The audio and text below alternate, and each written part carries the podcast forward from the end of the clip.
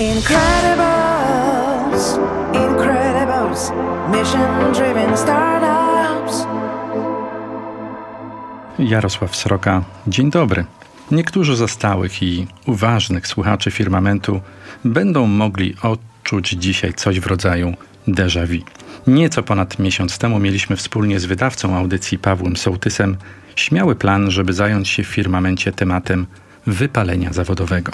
Niestety nic z tego nie wyszło, bo właśnie nieco ponad miesiąc temu wydarzyło się to, co w sposób zasadniczy przewartościowało bardzo wiele spraw. Rozmawialiśmy o wojnie. Dziś mimo wszystko podejmiemy kolejną próbę i wrócimy do tego wątku. Audycję realizuje Szymon Kuliś. Jesteśmy więc w dobrych rękach. Zaczynamy. W Stanach Zjednoczonych mówią na to Great Resignation albo Big Quit. Tłumaczyć chyba nie trzeba. Chodzi o zapoczątkowane niecałe rok temu masowe porzucanie pracy, motywowane wieloma różnymi czynnikami, o których na pewno będziemy dzisiaj intensywnie rozmawiać. Podstawowe pytanie brzmi jednak, czy to tylko amerykański fenomen, a może to po prostu jeden z objawów rozgrzania rynku pracy i żadna tam wielka rezygnacja, tylko rotacja. A może mamy jednak podstawy, żeby twierdzić, że coś z naszym zaangażowaniem w pracę jest nie tak. Pytanie na dziś do Państwa: czy problem wypalenia zawodowego jest realny? Proszę się nie ociągać i do nas pisać. Firmament małparadio357.pl jarosław.sroka małparadio357.pl Można też komentować pod postem na Facebooku, gdzie znany już Państwu także z widzenia jegomość próbuje Państwa nieco sprowokować do dyskusji na ten temat, pokładając się na klawiaturze fortepianu. Może rozruszają go Państwa komentarze, zobaczymy, a może zrobią to nasi znakomici goście.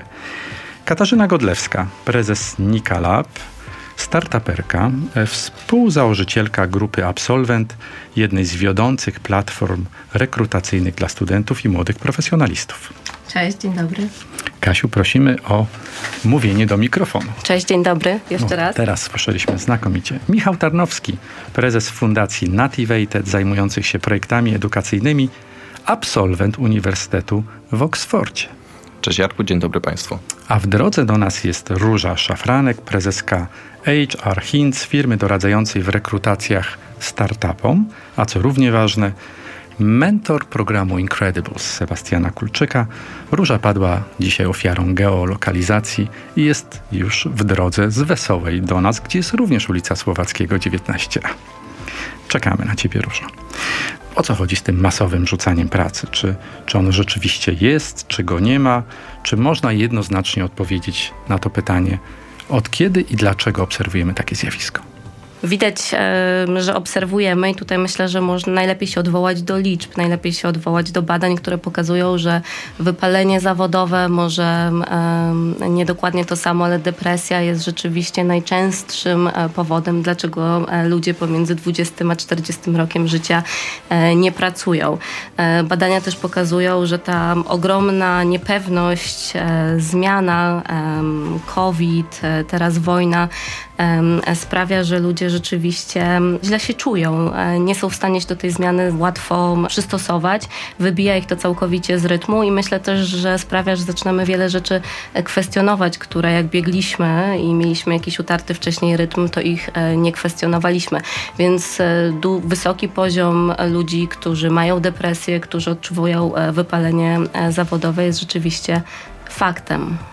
Mhm. Michał, jak ty oceniasz to zjawisko wypalenia? Na czym ono polega i czy rzeczywiście przekłada się tak bardzo na nasz komfort życia codziennego? Y, Jarku, jasne. Myślę, że tutaj sprawa jest tak naprawdę, naprawdę jasna e, i tak jak przedmówczyni mówiła, dobrze dowiedziona, bo to e, zjawisko jest obserwowane i tak naprawdę ciężko zdyskutować z tym, że ono będzie miało bardzo istotny wpływ na to, jak będzie wyglądała rzeczywistość wokół nas. E, Tutaj jest kilka kontekstów, czy zagraniczny, czy polski. W tym zagranicznym chociażby ciekawe może być to, że w 2019 roku World Health Organization wpisało wypalenie zawodowe na listę uznawanych przez siebie chorób. Tutaj była duża dyskusja, czy w Polsce będzie można brać L4 w związku z tym, e, z tym wpisaniem wypalenia zawodowego na listę chorób. To się nie wydarzyło, ale widzimy to cały czas także w przestrzeni social mediowej. Z takich bardziej anegdotycznych rzeczy to hashtagi quit my I quit my job, to na TikToku już 240 milionów wyświetleń treści z tymi hashtagami, więc to jest i zjawisko ekonomiczne, i zjawisko społeczne. I ono zarówno w Polsce, jak i za granicą jest widoczne. I moim zdaniem to jaka konkluzja powinna płynąć z tego, kiedy patrzymy na te dane, że pracodawcy po prostu stoją przed bardzo ważnym wyborem, w bardzo ważnym momencie, że muszą zrozumieć tak naprawdę, co mogą zrobić, żeby oni na tym zjawisku zyskali, tak naprawdę nie stracili, bo to też jest możliwe. Tutaj... Ale zanim do tego, Michał, dojdziemy, czy pracodawcy mają w sobie empatię i wiedzę, żeby profesjonalnie odpowiadać na zapotrzebowanie takich wypalonych pracowników, spróbujmy w jakiś sposób zinwentaryzować to wypalenie. Co to znaczy być wypalonym pracownikiem? Jak to się objawia i jakie niesie ze sobą konsekwencje? Możemy się odnieść do jeszcze jednej e, fajnej statystyki, która mówi, że e, dwie trzecie osób, które dzisiaj wychodzą z systemu edukacji na różnych poziomach, nie będzie pracować e, w pracach, które, do których się uczyło, możemy w ten sposób powiedzieć. I te badania, które pokazują, że bardzo dużo osób jest wypalonych, ma depresję, zastanawia się nad sensem e, życia, bierze się między innymi stąd, że jest trochę dysonans pomiędzy naszymi oczekiwaniami a rzeczywistością. I ten dysonans polega na tym, że nadal sporo system edukacji często nastawia nas, tworzy jakieś oczekiwania, że my będziemy pracować tym, do czego zostaliśmy wyedukowani. Nie uczy nas tak bardzo, jak czasy tego wymagają, takiego podejścia, które po angielsku się nazywa growth mindset, czyli takiego po prostu na nastawienia, że może ja nie umiem, ale ja się jestem w stanie wielu rzeczy nauczyć i ja się spokojnie dam radę ich e, nauczyć i że cały czas się muszę uczyć i że ja nie będę w jednej pracy długo, ja z tej pracy będę ja, ja tą rolę swoją będę zmieniał, ja te firmy będę zmieniał. I to jest fakt, że ta niepewność, niepewność swoich sił, niepewność, czy jeśli pracę dzisiaj mam, to za rok będę ją mieć, czy dam się radę przystosować. Badania pokazują, że z tego się bierze to zjawisko wypalenia, e, z takiego myślę braku pewności siebie, że my sobie po prostu poradzimy. A czy to jest zjawisko nowe? Bo tak z takiej swojej boomerskiej perspektywy pamiętam, że mieliśmy te same dylematy, te same lęki i mało kto, myślę, że gdybyśmy zrobili nawet na potrzeby tej rozmowy taką szybciutką sondę, kto pracuje dzisiaj w zawodzie, którego się uczył, myślę, że byłoby nas bardzo niewiele. Często się nad tym zastanawiam, bo jednak rzeczywiście e, nam się zawsze, nam żyjącym w tych czasach się wydaje, że my żyjemy w czasach, które się wyjątkowo szybko zmieniają, e, a kiedyś e, wydawało nam się, że one się zmieniały wolniej, więc zawsze jak to na głos mówię, to sama się nad tym rzeczywiście zastanawiam, ale to, co jest widoczne znowu w liczbach, to to, że spędzamy w jednej pracy, w jednej firmie dużo mniej czasu, średnio, bo nie mówię o tobie albo o sobie, ale generalnie jako społeczeństwo, kiedyś ten staż pracy w jednej firmie był dużo dłuższy niż jest dzisiaj. Dzisiaj, jak zerknęłam w najnowsze statystyki, pokazuje, że my średnio w jednym miejscu pracujemy 2,5 roku. Kiedyś ten staż pracy w jednym miejscu, w jednej firmie, w jednej ścieżce kariery był statystycznie dużo dłuższy. Mhm. Michał, dlaczego młodzi ludzie tak łatwo zmieniają pracę i co może ważniejsze, tak łatwo im przychodzi decyzja o porzucaniu pracy dzisiaj? Tutaj pełna zgoda, że rzeczywiście też wydaje mi się, że to poczucie może nieadekwatności swoich umiejętności do miejsca pracy może być czymś, co jest międzypokoleniowe, ale czymś, co wydaje się, ale też jest dowiedzione badaniami, które są prowadzone. E, tym, co jest wyjątkowe dla naszego pokolenia, to jest to, że trochę inaczej zaczynamy definiować swoje oczekiwania e, wobec miejsca pracy.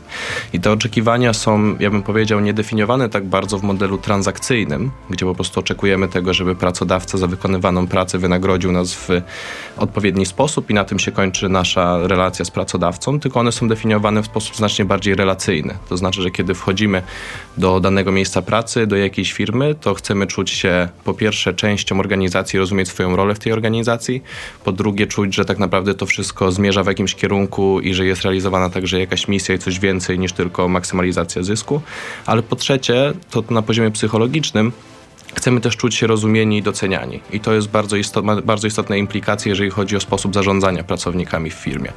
Bo to, o co mi chodzi, to że po prostu osoba pracująca w korporacji, czy nawet w większym startupie, chce czuć, że menadżer rozumie jej potrzeby, że menadżer jest y, dla niej czy dla niego osobą, która ich y, motywuje i która rzeczywiście pomaga się w tej organizacji rozwijać. I teraz Moja teza jest taka, że bardzo dużo organizacji nie potrafi tego robić, że wciąż nie nauczyło się tego robić, mimo tego, że jest to wiadome, powiedzmy na poziomie danych, y, że takie oczekiwania młodego pokolenia funkcjonują, to firmy nie adresują tego problemu, przez co tak naprawdę my jako młode pokolenie jesteśmy wrzuceni w system, w którym różne miejsca pracy nie odpowiadają naszym potrzebom, a to z racji tego, że ten powiedzmy międzypokoleniowo zakumulowany majątek już jest trochę większy niż te 30 lat temu, sporo osób ma jednak taką poduszkę, że może sobie na chwilę pozwolić, może jakąś przerwie w pracy, y, czy, czy może na zmianę tego zatrudnienia.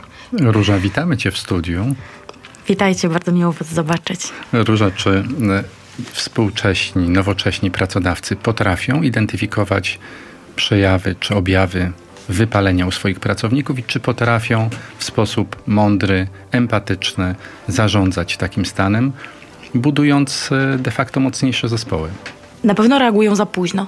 To znaczy, jeśli są w stanie zidentyfikować, jeśli jesteśmy w stanie zobaczyć wypalenie u pracowników, jeśli jesteśmy w stanie rzeczywiście wyłapać te, e, te symptomy, no to widzimy najpierw e, te symptomy poznawcze. Nie? To znaczy, spośród tych trzech komponentów, czyli tego emocjonalnego, interpersonalnego i poznawczego, najpierw widoczny jest ten poznawczy. To znaczy, najpierw widzimy to, że ktoś skupia się słabiej, że ktoś, jak to się mówi w startupach, dowozi słabiej, nie? że ta efektywność spada.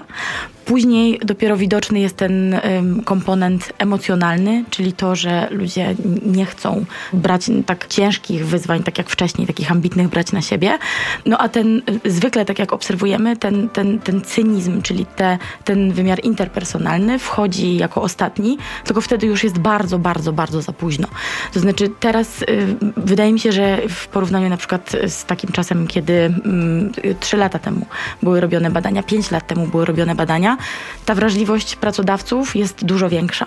To znaczy, rzeczywiście jesteśmy w stanie szybciej to wyłapać, natomiast nadal y, to się dzieje mm, za późno i to, to rozpoznanie rzeczywiście jest takie, mm, ja powiedziałabym, unikające. To znaczy, patrzymy tak często, jakbyśmy nie chcieli zobaczyć. Żeby nie widzieć. Mhm.